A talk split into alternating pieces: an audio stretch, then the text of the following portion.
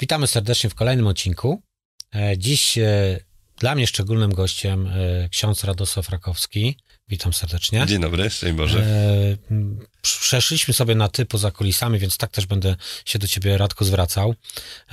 Bardzo ważną dla mnie jesteś osobą z punktu widzenia wychowywania dziecka, z punktu widzenia tego, że jestem też mężem, a tak naprawdę tchniesz Słowo Boże E, e, na co dzień. Zajmuje się tym, można powiedzieć, zawodowo. E, nie obrazi się za takie sformułowanie.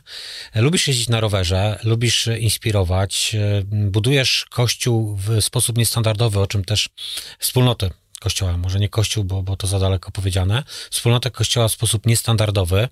E, chcieliśmy, chcielibyśmy się w dzisiejszym odcinku temu przyjrzeć, e, spojrzeć trochę na nasz system wartości na to, co możemy dać e, sobie, żeby być szczęśliwszymi w życiu, bo ten kanał ma też inspirować. Chciałbyś coś dodać do tego wstępu? Nie, właśnie bardzo dobrze przedstawione to jest rzeczywiście, żeby to życie nasze było jak najprostsze i żeby w tej prostocie nic nie było żałosnego, tylko żebyśmy rzeczywiście w tej prostocie odnaj odnajdywali sens, nie? Bo najgorzej jakbyśmy chcieli coś udawać, y, co nie jest prawdą, nie? A tutaj właśnie chodzi o to, żebyśmy ciągle szli tą drogą prawdy i potrafili sobie o tym mówić. E, tak naprawdę, jeżeli udajemy, to nie będziemy szczęśliwi, bo e, tworzymy sobie wydmuszkę i, i to jest ta, ta, ta kwestia, która, do której musimy wewnętrznie dolecieć, e, że każde kłamstwo mm, to nie jest kwestia nawet tego, że powinniśmy się wyspowiadać, tylko ono nas niszczy. To jest takie moje opinia. Nie wiem, tak, bo człowiek zużywa energii po to, żeby to ukryć, e, tak. i, i, a I nie po grać. to, żeby realizować swoje życie. Nie? Tak, dokładnie. E, przytoczę pewne moje wspomnienie. E, jestem na mszy, to było już wakacje. Mm, i nagle słyszę i nie dowierzam, bo mm, staramy się dążyć do tego, żeby zostać turkusową firmą. To jest proces i nie można powiedzieć, że, nigdy, że, że go się osiągnie, dlatego że jak coś jest oddolnego, to ta ewolucja w myśleniu, w spostrzeganiu jest na każdym etapie zupełnie inna, e, więc jest to jakiś tam proces dążenia. Tu słyszę sobie na mszy, e, że wierni, mm, że skończmy z klerykalizmem w, w złe, złego słowa znaczeniu. Idźmy w kierunku mm, też duchowości, miłości, religijności, chcemy wspólnoty, która będzie się angażowała oddolnie, która będzie brała odpowiedzialność. E, powiedziałeś, że nie chcesz być gnuśnym księdzem, e, i chcesz, a żeby tak było, to mm, ty możesz być odpowiedzialny za tchnięcie Słowa Bożego w nas wszystkich jako wspólnotę, e, natomiast niekoniecznie mm, za to, żeby wszystkimi rzeczami się zajmować w parafii. Bardzo fajne podejście. Chyba nieprzyzwyczajeni jesteśmy do tego zbyt często. Pytanie, co, było, co jest przyczyną, że e, chcesz trochę inaczej do, do, do tego podejść, bo nie jest to standardowe podejście? No, przede wszystkim właśnie to, że moi rodzice są prywaciarzami e, i przez to, że oni przez całe życie, moi pradziadkowie i dziadkowie byli również prywaciarzami i dzisiaj ja pochodzę z murowanej Gośliny i dzisiaj tam mieszka 50 członków mojej rodziny i wszyscy są prywaciarzami. Czyli w rodzinie mam jakiś taki gen e, wpisany, że chcę kreować rzeczywistość, że chcę być za nią odpowiedzialny i zupełnie e, nie rozumiem jakiegoś takiego działania bezsensownego, dlatego żeby podobać się szefowi, że będę udawał, że pracuję, albo będę coś wykonywał tylko i wyłącznie dlatego, żeby być posłusznym. To jest zupełnie, e, zupełnie nienaturalne w moim przypadku. E, I druga rzecz, że ciągle chcę dyskutować, czyli ciągle szukamy jakiegoś biznesowego takiego spotkania, tak jak moi rodzice rozmawiali w domu i ciągle się zastanawiali, jakie jeszcze elementy trzeba wprowadzić, żeby firma lepiej działała, e, no to tak samo niejako mi cały czas w głowie chodzi to, że co jeszcze można zrobić, żeby Kościół lepiej funkcjonował i cały czas próbuję, e, próbuję do tego dążyć. A e, oprócz tego właśnie takiego przedsiębiorczego spotka- e, spojrzenia, które mi zostawili moi rodzice, no to jeszcze ten element społeczny dochodzi. Moi rodzice za bardzo i moja rodzina nie zajmuje się społecznymi sprawami, nie angażują się w życie społeczne murowanej gościny, nie kandydują w wyborach czy innych rzeczach, mhm. ale tak się akurat zdarzyło historycznie, że w murowanej gościnie był świetny proboszcz Edmund Szymański, który znał język niemiecki i w latach 90. budował kontakty konflikty w Europie i jednocześnie wyszukiwał zdolnych ludzi w tym mieście i właśnie bardzo mocno współpracował z panią Elżbietą Wtorkowską, dzisiejszą rektor Akademii Muzycznej w Bydgoszczy i ona założy, założyła wiele chórów w murowanej goślinie. I on pomagał właśnie wyjeżdżać tym chórom na zachód, poznawać świat. Także setki młodzieży z tej murowanej gośliny pojechało gdzieś do Niemiec, Holandii, do różnych krajów i poznawało, jak ten świat tam jest skonstruowany. E, I w ten sposób zmieniała się nasza mentalność z tej komunistycznej, małomiasteczkowej mentalności na bardzo, bardzo mocno otwartą. No i jeszcze burmistrz Tomasz Łęcki, który bardzo mocno budził społeczeństwo obywatelskie i powołał mnóstwo organizacji przy, e, w gminie i stowarzyszeń, wymian, tak, wymian międzynarodowych. E, i mi się wydawało, że wszystkie miasta tak funkcjonują, a to się okazało, że właśnie ta murowana gościna jest taka szczególna. I wychowało się pewne pokolenie w tym mieście, ludzi kreatywnych, ludzi, którzy w pozytywnym tego słowa znaczeniu rywalizowali, gdzie jeszcze kto pojedzie, co jeszcze wymyśli nies, niezwykłego, jak jeszcze ten świat, e, ten świat ulepszymy? I my dzisiaj wszyscy się rzeczywiście ze sobą kolegujemy i my sobie wzajemnie pomagamy w tej inspiracji, że nie ma granic, że wszystko jest możliwe tak naprawdę i przez budowanie wspólnoty i wzajemną pomoc jesteśmy w stanie zmieniać ten świat. Czyli tak naprawdę takie nie dość, że przedsiębiorcze miasto, to jeszcze do tego przedsiębiorcza rodzina, do 50 osób, to, to naprawdę. Tak. E, ja nawet e, bardziej niż prywaciarze, bo według mnie ono ma konotację też negatywną. Tak. Uważam, że przedsiębiorczość, bo u nas, nie wiem, czy masz takie odczucie, że, że się traktuje przedsiębiorców, że jakby to jest traktowane jako ktoś, kto ma wyzyskiwacz. Tak, cały czas tam pokutuje rzeczywiście, że, że o, ten przedsiębiorca, on ma tyle pieniędzy, a ci, co u niego pracują, są wyzyskiwani przez niego niego. E, to jest cały czas mi, całe życie mi jest to obce, dlatego właśnie, że wszyscy ci w mojej rodzinie są tymi przedsiębiorcami, dlatego zupełnie, zupełnie nie rozumiem takiego systemu, w którym właśnie pracownik e, tutaj jest gloryfikowany, a ten pracodawca jest cały czas niszczony, dlatego jakby, nie wiem, był winny temu, że założył własną firmę i zatrudnia ludzi. Jeżeli stworzymy takie warunki przedsiębiorczości, nagle się okaże, że większość z nas jest przedsiębiorcami, wszystkim nam się żyje lepiej. To tak. jest taki model... E, Ludzie dążą do niezależności i chcieliby w pewnym momencie swojego życia jakby zacząć coś swojego. Czy to wyjdzie, czy nie wyjdzie, to i tak zawsze warto spróbować. Mhm. E, a, a biznes przyszłości, to jest akurat y, moje takie postrzeganie świata, to to, że możemy w zasadzie tworzyć, kreować nowe biznesy jako przedsiębiorcy. I turkus tu upatruję, tak przy okazji. Dlatego ten turkusowy kościół e, tak mi się bardzo spodobał, że to jest tak naprawdę kreowanie przedsiębiorczości w ramach grupy, która jest mocniejsza, silniejsza. Każdy czerpie zyski z tego, że jest tą grupą. E, każdy jest współodpowiedzialny za, za dany projekt i jesteśmy, można powiedzieć, przedsiębiorcami w biznesie, jednym, jednym większym, bo też uważam, że, że nic bardziej dołującego nie jest, kiedy przychodzi szef, który niczego nie rozumie i mówi, e, co ma robić dana osoba, czy ten ekspert w danej dziedzinie. No, to jest deprymujące, no, jest to dosyć trudne, to o czym mówisz, dlatego że my posługujemy się pewnymi wyobrażeniami z przeszłości, że jak ja dzisiaj pytam ludzi, jak oni sobie wyobrażają Kościół, to z reguły sobie wyobrażają swój Kościół gdzieś na wsi, jakieś wspomnienie e, śpiewania kolęd w tej parafii, coś, co jakoś ich tam wzruszało, e, że były roraty, że ksiądz przychodził po kolędzie e, i takie wspomnienia im towarzyszą i tak sobie wyobrażają Kościół, ale nie pytają się, co to znaczy dzisiaj żyć w tym kościele, na, że wznieść się na jakiś wyższy poziom właśnie życia duchowego, poznawać swojego mistrza Jezusa Chrystusa e, i bardzo trudno jest e, wykreować ten e, kościół turkusowy, dlatego że ludzie nie mają wiedzy na temat Pisma Świętego, a nam księżom za bardzo nie zależy na tym, żeby rzeczywiście tą inicjatywę przekazać ludziom i żeby oni zaczęli czytać to Słowo Boże. E, to prawda.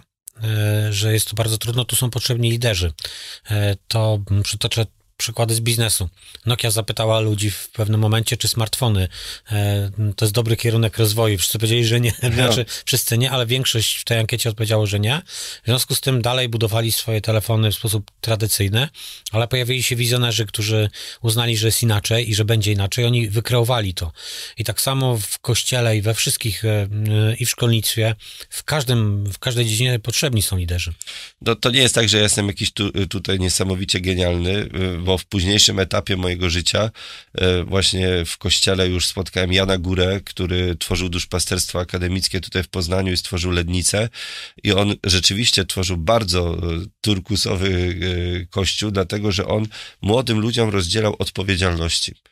I ja będąc w liceum przychodzę do niego i on mówi, dobrze, przyjeżdża 100 tysięcy ludzi na spotkanie lednickie, załatw jedzenie dla całego sztabu, to jest tam, nie wiem, tysiąc ileś osób, y, no załatw to. Zorganizuj to. Kuchnię, y, żywienie, idź do sponsorów, znajdź to. To jest twoja odpowiedzialność.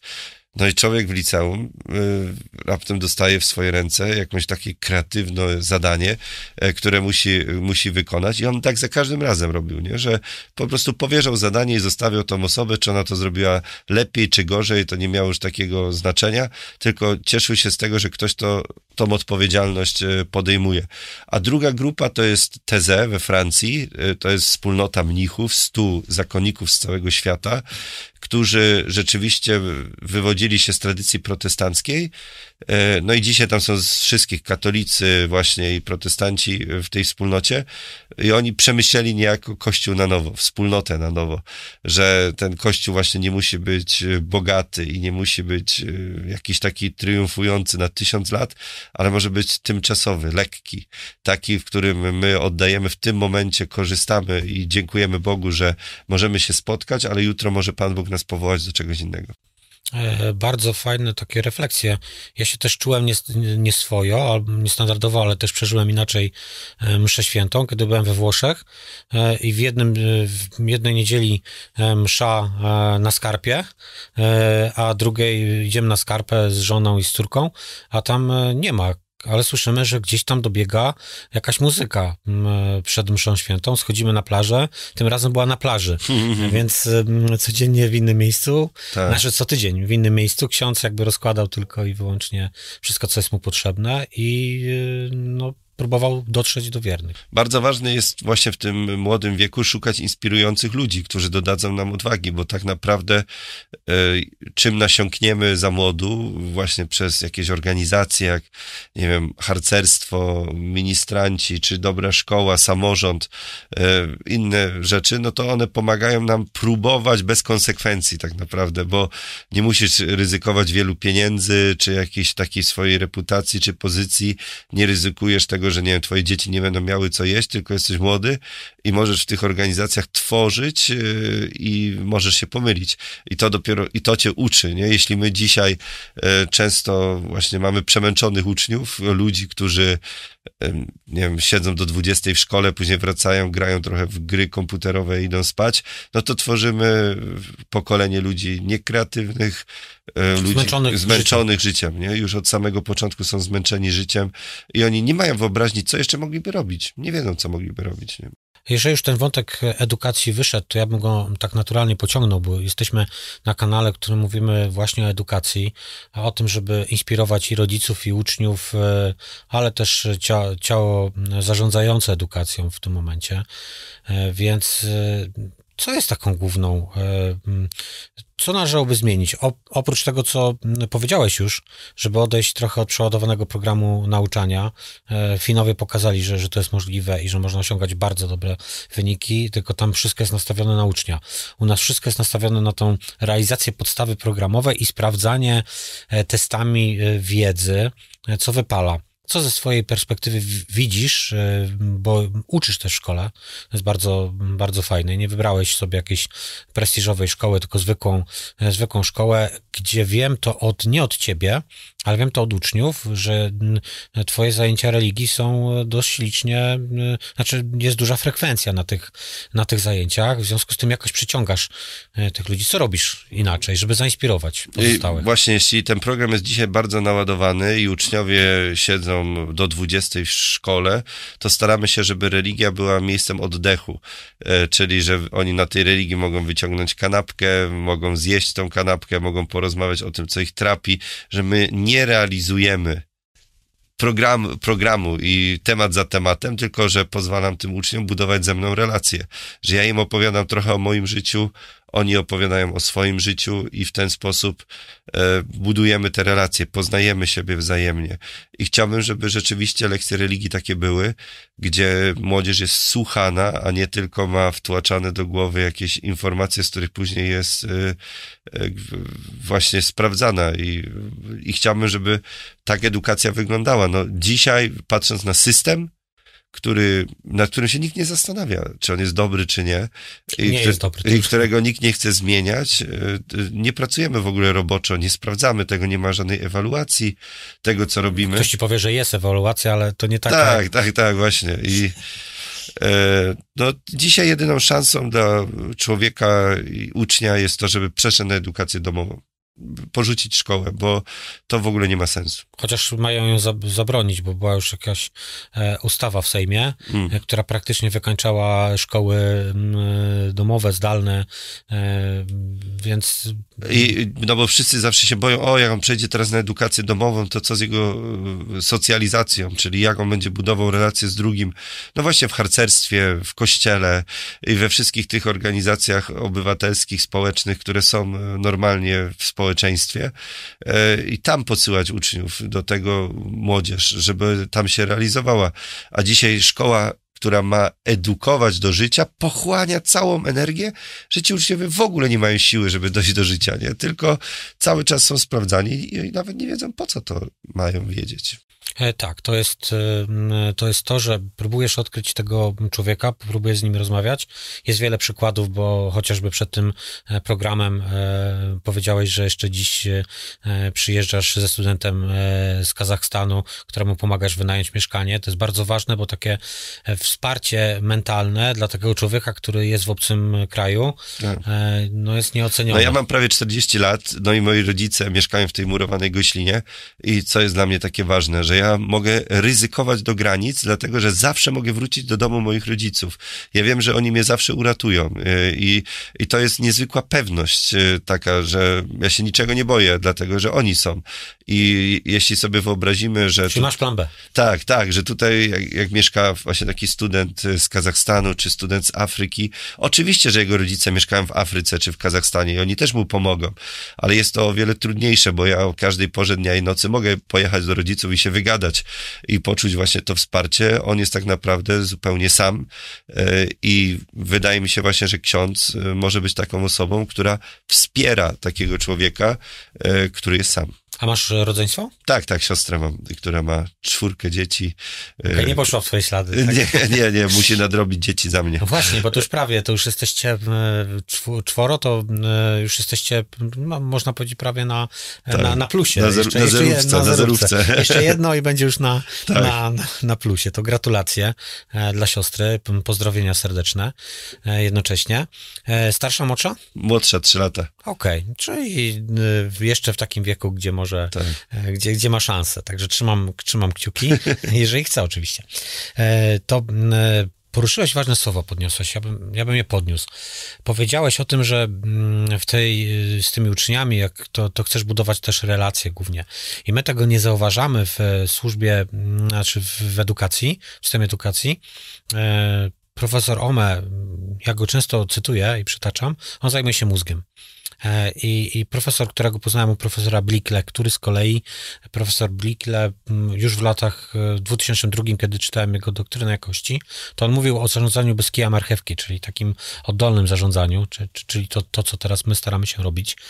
Mm, e, I mm, profesor Ome, badając mózg, pewnie to nie jego badania, tylko wnioski z tych badań są jego, z wykładu, pomiędzy e, emocjami, pomiędzy rozumem a działaniami nie ma żadnych połączeń mózgu. Czyli jeżeli mm, tylko wiedzę chcemy przekazać uczniowi, to tam nie będzie z tego żadnych działań. On nie wykorzysta tej wiedzy w praktyce. Są połączenia w mózgu tylko pomiędzy emocjami a działaniami. Jeżeli nie będziemy w emocji, a emocje to relacje, to, to wszystko to, co dookoła, więc ja to, jak ja to zrozumiałem w 2019 roku, e, to był ten główny przewrót, już taki ostateczny w moim życiu, że, że odejść od tego klasycznego modelu, który nic nie daje, że to jest prawda, a czułem od serducha, że to faktycznie coś tu może być, że, że to właśnie emocje powodują, że my przyczyniamy się do działania. Ty takim drobnym gestem wyzwalasz emocje i one dalej później sprawiają, że mamy lepszy świat, e, bo nie wiem, ten student z Kazachstanu też prawdopodobnie komuś pomoże.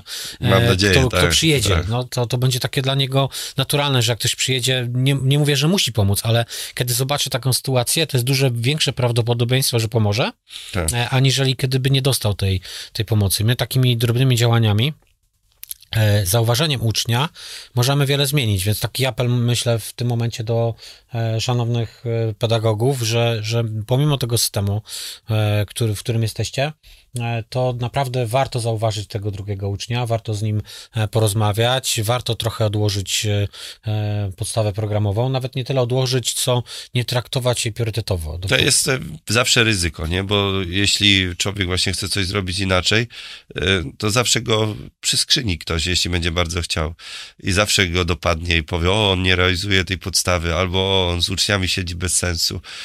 I to zawsze znajdą się donosiciele, którzy będą chcieli cię nie wiem, zepsuć ci cały ten, ale to jest ryzyko właśnie, które podejmujemy, jeśli chcemy zmienić ten świat trochę na inny. E, I teraz rozumiem, e, to pierwsze pytanie, na które odpowiadałeś, ta przedsiębiorczość, duch przedsiębiorczości, bo w zasadzie każda, e, podejmowanie każdej przedsiębiorczości wiąże się z ryzykiem.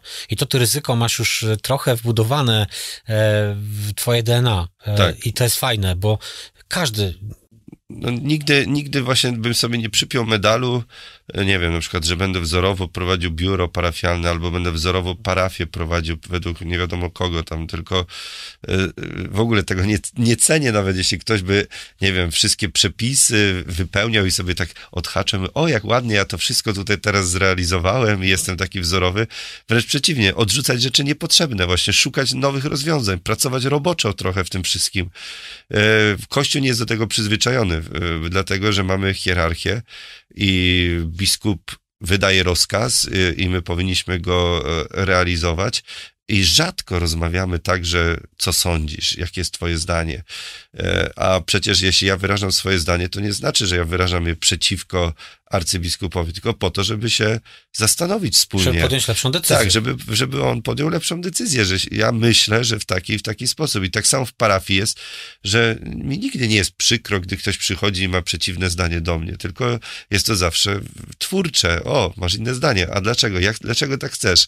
A co myślisz? Jakie ja podaję później za, przeciw, ta osoba podaje. No i wtedy dochodzimy do jakiejś prawdy.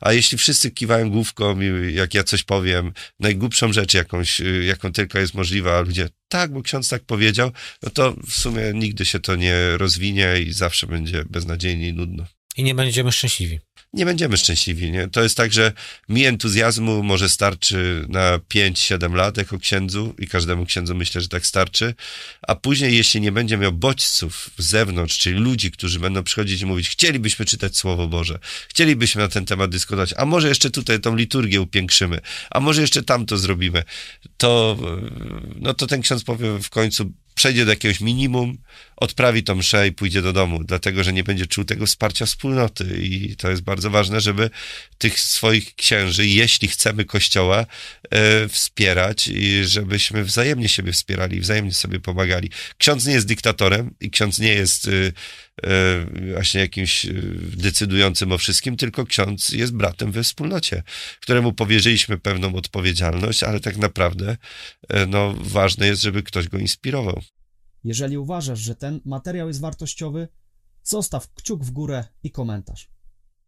Poruszyłeś fajną rzecz, nie wiem skąd ci to wzięło, e, te 5 do 7 lat, ale mogę potwierdzić to na własnym przykładzie, że dokładnie w wieku po 6-7 latach e, kierowania firmą w sposób taki klasyczny, ja czułem się wypalony totalnie. E, i powiem, żebym niczego nie zmienił, to, to byłoby po mnie. Nie? No tak, to... właśnie, bo ludzie i tak będą zadowoleni. Jeśli zrobię byle jaką mszę świętą, by, z byle jaką muzyką i powiem wszystko właśnie, teraz to zrobimy, teraz to, teraz Boże Narodzenie, ludzie będą zadowoleni. Jacyś ludzie zawsze przyjdą do kościoła, ale będzie to bardzo, bardzo nudne, nie? I teraz dlatego jest tak ważne, żeby się uczyć, czym jest Słowo Boże, jak bardzo jeszcze rozwijać parafie, żeby one były chrystusowe i ewangeliczne i uczyć się, czym jest liturgia, żeby ona stawała się coraz piękniejsza i coraz bardziej do nas przemawiała, a nie była przykrym obowiązkiem, który trzeba spełnić pod karą grzechu. E, kiedy błądziłem i poszukiwałem e, e, swojego mm, przywództwa takiego duchowego, podążałem też w kierunku właśnie mm, buddyzmu tylko dlatego, że tam nie było żadnych dogmatów. Mnie strasznie męczyły dogmaty i mm, ja odnalazłem to w chrześcijaństwie. Ja się bardzo czuję spełniony w, we wspólnocie, natomiast musiałem sobie pokładać faktycznie, oddzielić to religijność i duchowość i tu apel wielki i to widzę po, po tobie, co robisz, to bardzo dużo poświęcasz duchowości i my za mało poświęcamy duchowości w kościele, a za, dwie, za dużo poświęcamy religii. No nie, nie da się niejako, ja tylko mogę stworzyć przestrzeń, w której człowiek tę duchowość znajdzie, ale jest to indywidualna praca. Znowu, jeśli my jesteśmy nauczeni tego, że ksiądz nam wszystko powie, a my to zrobimy, co ksiądz chce, no to właśnie do tego to sprowadziliśmy, że nie wiem, modlitwa medytacyjna, różaniec, e, która jest moim osobistym rozważaniem na temat życia Jezusa Chrystusa, e, jest czy cztery, zdrowaś Maryjo, łaski pełna, Pan z Tobą. No i to zupełnie nie jest medytacja, no to nie jest modlitwa, tylko to jest na trzy, cztery, coś tam odmawiamy, pokutujemy, dlatego, że długo trwa ta modlitwa, jest męcząca i na kolanach. A y, jak ja mogę rozważać życie Pana Jezusa, jeśli ja nie znam Pisma Świętego. Bo jeśli, nie wiem, mamy tajemnicę przemienienia na górze Tabor, no to mogę, mogę sobie powiedzieć, o Panie Jezu, jaki jesteś biały i jaki jesteś wspaniały, bo się przemieniłeś na górze Tabor. Ale w ogóle nie mam pojęcia, co to znaczy w moim życiu i, i nad czym ja będę rozważał. No bo tajemnica nie, różaniec nie jest modlitwą do Maryi, tylko jest modlitwą, w której rozważamy życie Jezusa. I muszę znać Pismo Święte, i muszę umieć medytować i się modlić, żeby właśnie tą modlitwę uskutecznić w swoim życiu. I to nie jest tak, że ja teraz przyjdę w październiku i właśnie razem z księdzem ją odmówię, to mam ją zaliczoną, tylko ja muszę sam usiąść, ćwiczyć się, najpierw wejść w ciszę, później dopiero z tej ciszy rodzi się poznanie i z tego poznania medytacja i dopiero jakby kolejnym etapem jest kontemplacja, czyli życie tym na co dzień, kiedy wszystko, co przychodzi niespodziewane, nie zaskakuje ciebie, bo jesteś tak umocniony w wierze i masz tak silną relację zbudowaną zbudowaną z Bogiem. Ale nie jestem w stanie, jako ksiądz, y, nigdy tego przekazać, ani nauczyć. Każdy musi sam podjąć tą decyzję, że chce iść tą drogą duchowości. Inaczej właśnie będę tylko szedł drogą religijności. Dobra, to, powiem, to powiem coś mm, przekornego i powiem to na własnych błędach, które popełniam. E, początkowo buntowałem się w kościele ze względu na religijność, e, brakowało mi tej duchowości e, i mm, finalnie zaakceptowałem tą religijność też, poznając wewnętrznie chociażby mm, tajemnicę prawdy serca Pan Jezusowego. Jest fajny dokument o, o tym, jest wiele cudów, które się zdarzyły na świecie związane z Eucharystią. E, natomiast e, podjąłem się pewnego wyzwania w styczniu. W lutym akurat e, podjąłem się duchowej adopcji. W styczniu zacząłem gdzieś to odmawiać regularnie różaniec, co czynię codziennie, natomiast tam mi brakuje jeszcze duchowości. Jedyne, co mnie trzyma przy różańcu, bo nie potrafię wejść w, te, w taką fazę, nie wiem, co musi się stać, żebym potrafił, ale jedyne, co mnie trzyma, to mnie to napędza dopiero, kiedy poszczególne intencje bardzo mocno obłożone są w każdej dziesiątce, mam intencje za poszczególne osoby. E, i to jest jedyna moja duchowość w tym momencie, jedyne co, to, co mnie utrzymuje w tym, że chcę codziennie odmawiać, to te osoby, które mhm. są w każdej dziesiątce, natomiast jeszcze nie potrafię wejść na ten etap, o którym ty mówisz, nie wiem. To jest nasza tendencja ludzka do tego, żeby składać ofiarę, że my ciągle chcemy płacić za to e, coś Bogu i że teraz właśnie, o Panie Boże, widzisz, ja się modlę za tą osobę, spełni tą, e, tą prośbę. My w Kościele mamy bzika na punkcie Jezusa i tylko On jest kluczem do wszystkiego. Dlatego trzeba czytać Ewangelię i trzeba czytać Słowo Boże, bo tylko i wyłącznie poznanie Jezusa E, jest fenomenalne, dlatego że o wiele łatwiejsze jest e, czytanie różnych objawień i różnych rzeczy, które się na świecie wydawały, e, wydarzyły, ale one tak naprawdę nie są nam na tyle potrzebne, bo największym cudem Eucharystii jest to, że Bóg stał się człowiekiem, zamieszkał wśród nas i dał nam siebie w miłości jako bezinteresowny dar. I teraz my chcemy stawać się tak samo bezinteresownym darem dla drugiego człowieka. I kiedy człowiek odkryje tą wartość Eucharystii, właśnie jako ofiary Jezusa Chrystusa względem nas, ale ofiary pełnej miłości, to w taki sam sposób chce, chce, chce żyć. I to jest bardzo istotne i ważne, że możemy błądzić na różnych drogach i poszukiwać prawdy, a ona jest tylko i wyłącznie właśnie w tej ciszy, medytacji i Słowie Bożym. E, I to jest to najważniejsze, co, co każdy z nas musi odkryć, żeby, żeby podążać tą drogą duchowości, tak? I, I nie biegać, bo, bo, bo, proszę, proszę zobaczyć właśnie, że my biegamy często właśnie, a teraz tutaj taki rekolekcjonista, a teraz szóstak to jeszcze wydał, a jeszcze tamten y, jakieś modlitwę uzdrowienie, a jeszcze tu charyzmatyczny ksiądz. I biegamy jak, y, jak szaleni po prostu od miejsca do miejsca. A Jezus mówi w duchu i w prawdzie. Spróbuj ty się pomodlić, zacznij ze spokojem czytać Słowo Boże. Oczywiście, że może na początku są potrzebne emocje, żeby one nas popchnęły do czegoś, ale te pierwsze emocje powinny nas poprowadzić właśnie do tego, do tej chęci, ja sam jestem odpowiedzialny za swoje życie, ja sam jestem odpowiedzialny za moją duchowość, bo mogę w nieskończoność biegać od jednego kościoła do drugiego, od jednego księdza do drugiego, a to muszę w pewnym momencie się zatrzymać i powiedzieć, to jest moje życie, i ja chcę budować relacje z Bogiem sam. Dobra, to żeby to zamknąć klamrą, co byś powiedział osobom, bo często taki argument, e, odwróciłem się od kościoła, e, bo tam ksiądz jest taki, a nie inny. E, właśnie widzę odwrotność tego podejścia. Co byś im doradził, jakbyś mógł ich zainspirować? Mhm. Zacznijcie czytać Słowo Boże, zacznijcie od Ewangelii Świętego Marka, później przeczytajcie dzieje apostolskie e, i nie próbujcie tego zrozumieć wszystkiego od razu, dlatego że człowiek by dzisiaj ma taką tendencję znalezienia odpowiedzi na wszystko od razu. A to jest jak z językiem na obcym. Na początku uczymy się słówek i wydaje nam się, że tylko te słówka znamy. Uczymy się jakichś czasów i też zupełnie nie rozumiemy, jak te czasy zastosować.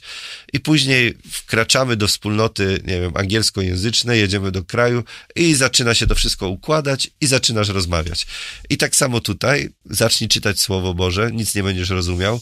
Zacznij poznawać Biblię i wszystko będzie ci się wydawało jakieś płynne i niezrozumiałe, ale wejdziesz do wspólnoty, czyli wejdziesz do kościoła i zaczniesz z ludźmi na ten temat rozmawiać, zacznie ci się to wszystko układać. I do tego jest nam Kościół potrzebny, ale jako nie hierarchia właśnie biskupi, księża i wszystko to, co jest dookoła, tylko Kościół jako drugi człowiek przeczytałem coś w Słowie Bożym, jak ty to rozumiesz? Jak ty, może ty to czytałeś kiedyś, podziel się ze mną, ja się podzielę z tobą i w ten sposób dochodzimy do prawdy. Dobra, to jakby miał jeszcze właśnie potwierdzić, na potwierdzenie tego, co mi się najbardziej spodobało w nowej parafii, parafiałacina.pl, jakby ktoś chciał e, wejść na stronę, e, to to, że mm, mm, właśnie pokazałeś, że nie te mury, nie ten kościół jest najważniejszy, że zacząłeś od tej e, witryny i, że ta parafia jest w miejscu, w, w sklepie, tak naprawdę w biurze bo to można i z tego biuro i sklep zrobić. Tak. I teoretycznie ona może być wszędzie, to jest pierwsza. I dużą uwagę poświęcasz jednak w budowaniu relacji, budowaniu mm, tej społeczności. Fajne przykłady mm, usłyszałem w Twoim jednym z wywiadów e, w poprzedniej parafii, gdzie e, jakieś staruszcy pomagaliście się przeprowadzić i angażowałeś w to wiernie, że takimi małymi działaniami można pokazać siłę, jaka, jaka w nas tkwi. I, i jakbyśmy mieli zainspirować pozostałych księży, którzy są zmęczeni już życiem, od czego byś im, bo oni pewnie Biblię mają już za sobą, czyli są już po tym etapie. Oni już ją pewnie rozumieją. To jest tak jak przytoczyłeś te słowa z nauką języka. Oni już są, dobrze władają e, tą Biblią, natomiast stracili gdzieś e, motywację, stracili energię, e, stracili chęci. Co byś im... Słuchać ludzi i to jest bardzo ważne, żeby słuchać ludzi, nie żeby robić to, co ludzie każą, tylko właśnie słuchać ludzi i odpowiadać właśnie na ich potrzeby. I jeśli dzisiaj bardzo wielu ludziom doskwiera samotność i bezsens życia, to zacząć w czasie mszy świętej od znaku pokoju, że ludzie uśmiechną się do siebie, popatrzą sobie w oczy i podadzą sobie rękę. I to jest pierwszy etap. Później, że może ci ludzie zostaną po mszy i napiją się kawy i porozmawiają z kimś. Później kolejnym etapem będzie, że może coś razem zrobią, ale póki my nie nauczymy się siadać ze sobą, bo ciągle ktoś ma coś do zrobienia. I mimo, że dużo ludzi zostaje po mszy świętej, to jeszcze większość ciągle ma coś do zrobienia, bo muszę iść obiad ugotować, bo muszę serial kolejny obejrzeć, bo dziecko na mnie czeka. I jesteśmy ciągle w biegu i niejako sami siebie oszukujemy, że tyle spraw mamy do zrobienia, a y, porzucamy to, co najważniejsze, czyli tą odwagę wyjścia w kierunku drugiego, poznania człowieka drugiego, bo dopiero w ten sposób uwalnia się z nas to, co najpiękniejsze, kiedy jesteśmy z przyjacielem, znajomym i możemy z nim dzielić się swoim życiem. To jakbym ci miał powiedzieć, y, jak sobie wyobrażałem E, idealną na przykład edukację i szkołę, to właśnie taką nastawioną na, na drugiego człowieka, nie nastawioną na program nauczania, bo naprawdę ten program się często zmienia i wystarczy nauczymy ludzi, jak się mają uczyć i, i będziemy ich inspirować, żeby się odkrywali e, i, i ty mówisz o tym samym. E, my mamy w firmie podobny system wartości dążenie i powiem ci przewrotnie coś więcej, bo powiedziałeś o tym, że to jest to ryzyko, że się narażasz innym. Ja generalnie jako przedsiębiorca ponoszę największe większe ryzyko, bo mm, może nam upaść cała firma ale y, jakby biorę to ryzyko z, całym, z całą odpowiedzialnością.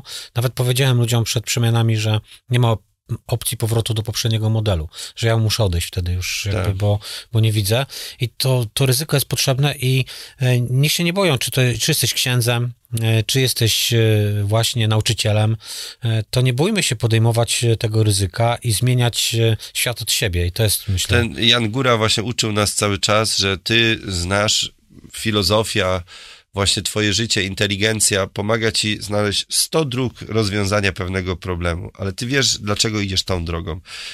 Mówi człowiek nieinteligentny idzie jedną drogą, bo jednej się nauczył i jedną idzie. I on cały czas nas inspirował do tego, żeby wyobrażać sobie wszystko inaczej, że to może być inaczej.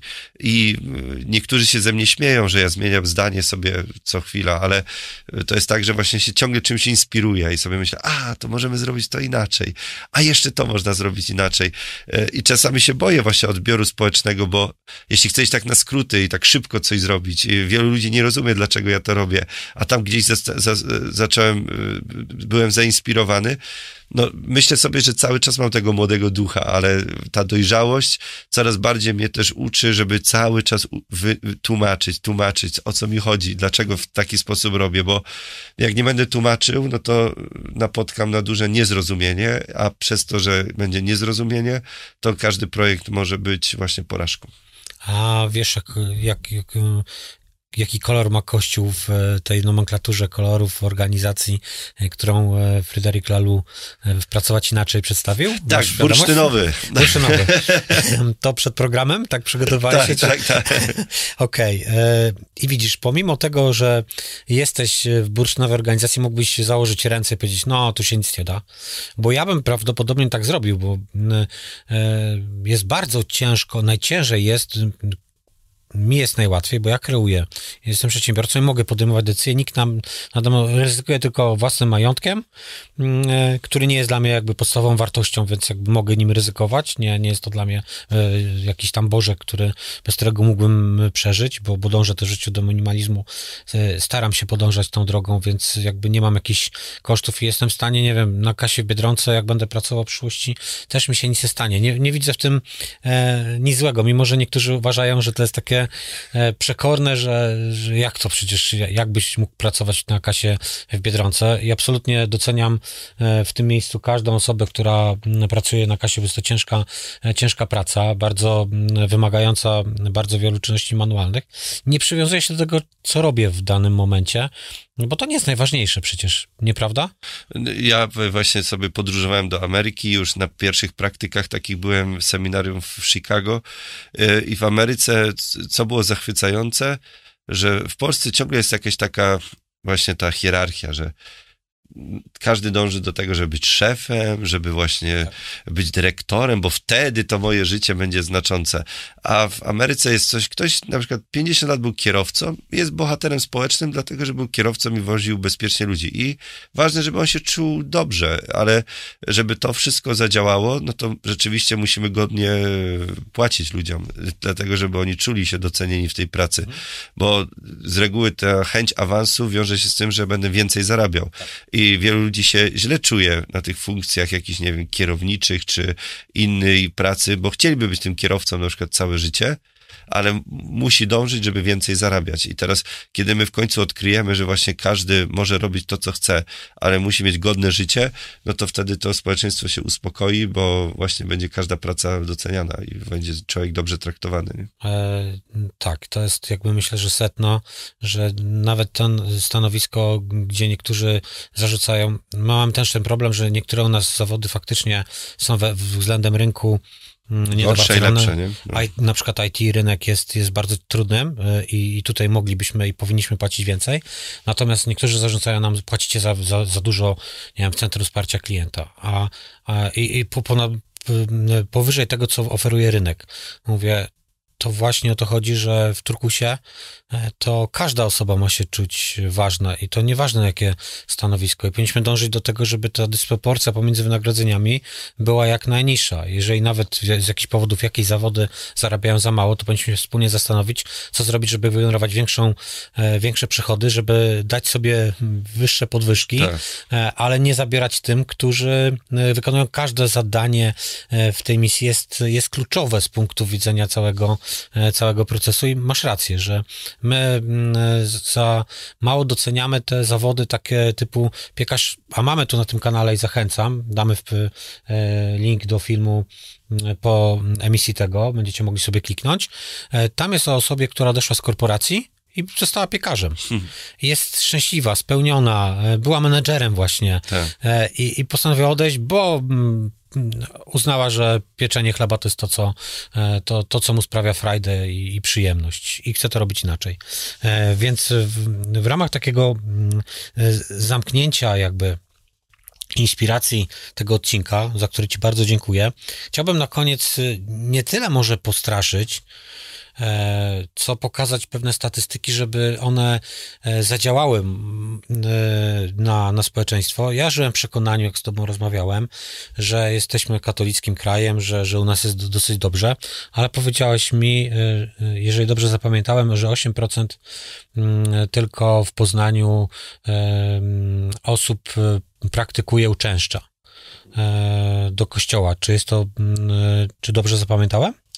To jest e, właśnie bardzo trudne do określenia, dlatego że e, my do końca nie wiemy, ilu katolików mieszka w danej parafii, mhm. bo jakbyśmy mieli to sprawdzić, zwłaszcza, że od prawie trzech lat nie było kolendy, dlatego że był COVID, wielu ludzi dzisiaj e, właśnie też nie ma czasu, żeby tego księdza przyjąć, więc te statystyki nasze są bardzo takie ograniczone, więc to jest tam 8-16% w Poznaniu mniej więcej, w zależności jakie są parafie, czy one są w centrum miasta, czy są na obrzeżach e, i e, trudno to procentowo określić. My cały czas się tym posługujemy, ale tak naprawdę dzisiaj to nie ma znaczenia, tylko możemy ilościowo nie określać, że... Ale 8-16 to bardzo mało. Tak, tak. Wiem, czy... Tak, to tam więcej nie ma, nie? To jest 16% jest średnia w Poznaniu, więc właśnie są parafie, które tak naprawdę mają 8%.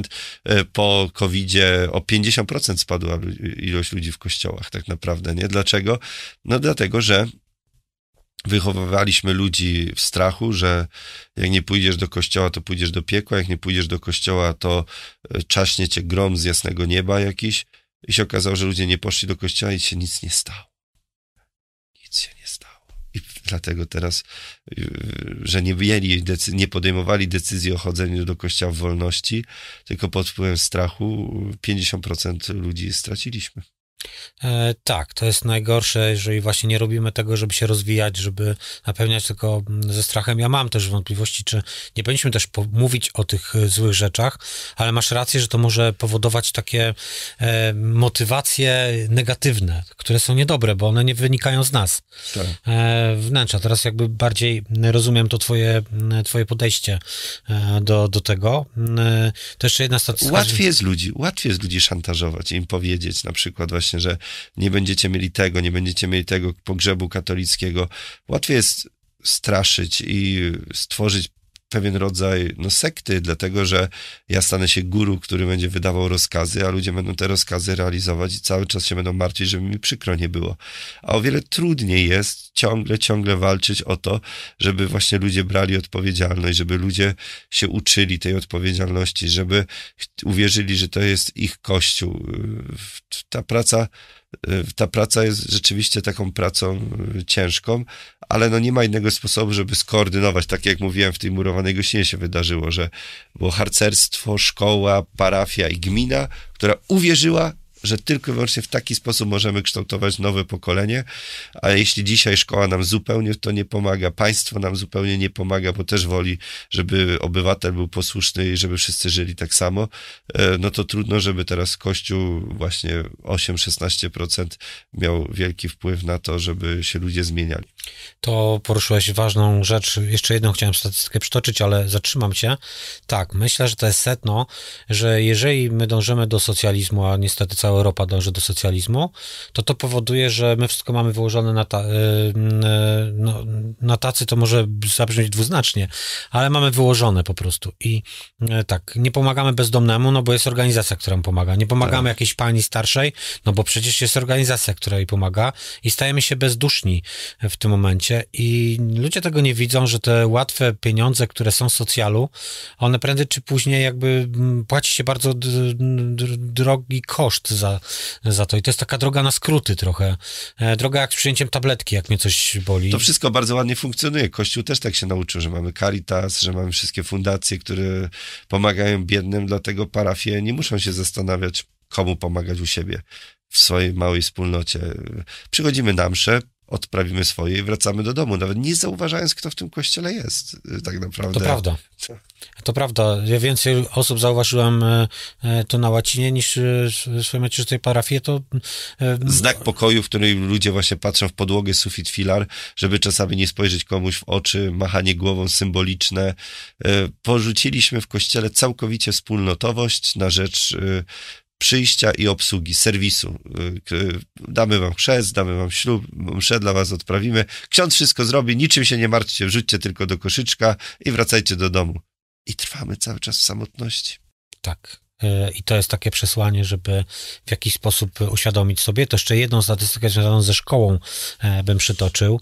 Mm, o 77% wzrosła liczba samobójstw dzieci i młodzieży w 2021 w stosunku do 2020 ta liczba może nie szokować, bo to było w 2021 1500 prób samobójczych. Dla mnie to i tak jest olbrzymia, olbrzymia ilość. Natomiast e, Światowa Organizacja Zdrowia mówi, że tych prób jest znacznie więcej, bo to są tylko te notowane przez policję i szacuje, że jest ich od 12 do 25 tysięcy w Polsce. Moi uczniowie wprost mówią, że nie rozmawiałem ze swoimi rodzicami.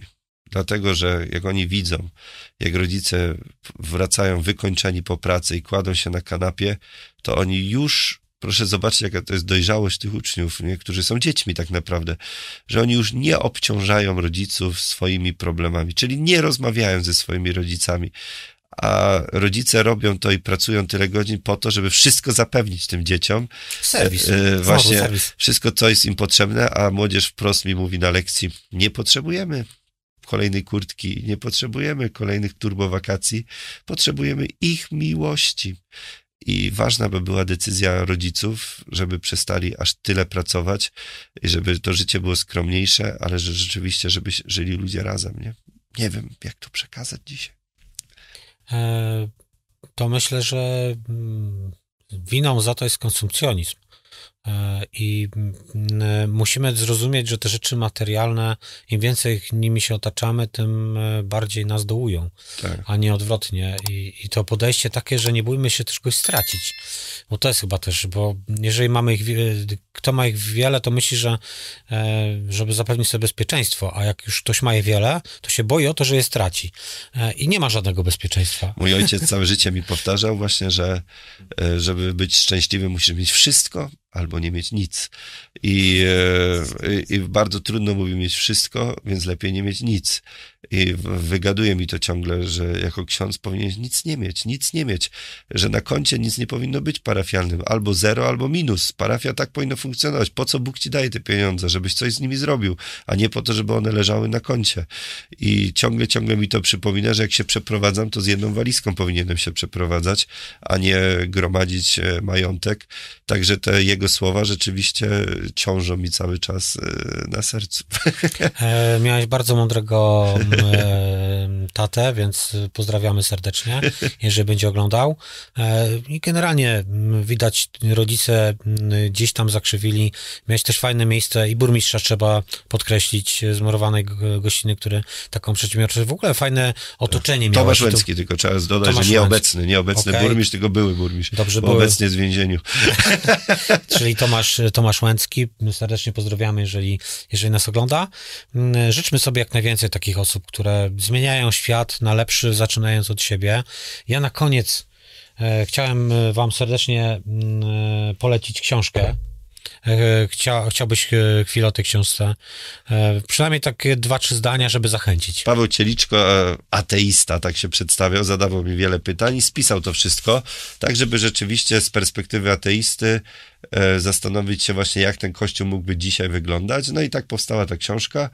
E, jest ona dostępna u nas właśnie na łacinie albo w Świętym Wojciechu, więc e, serdecznie polecam i zapraszam, jakby ktoś chciał się dowiedzieć więcej właśnie, jak to kształtowanie mojego życia i kształtowanie wspólnoty wyglądało. Damy link w opisie również do książki. E, dziękuję Ci bardzo za tą rozmowę, inspirująca. E, mam swoją checklistę już do wykonania, także dla mnie z mojego punktu widzenia bardzo, bardzo ważna, e, myślę, rozmowa. E, I e, mam nadzieję, że przynajmniej jedną duszyczkę, bo moją już masz, więc na pewno wyciągnę wnioski dla siebie, a mam nadzieję, że jeszcze kogoś zainspirowaliśmy i, i ktoś będzie bardziej szczęśliwy po tym odcinku. Dzięki. Dzięki.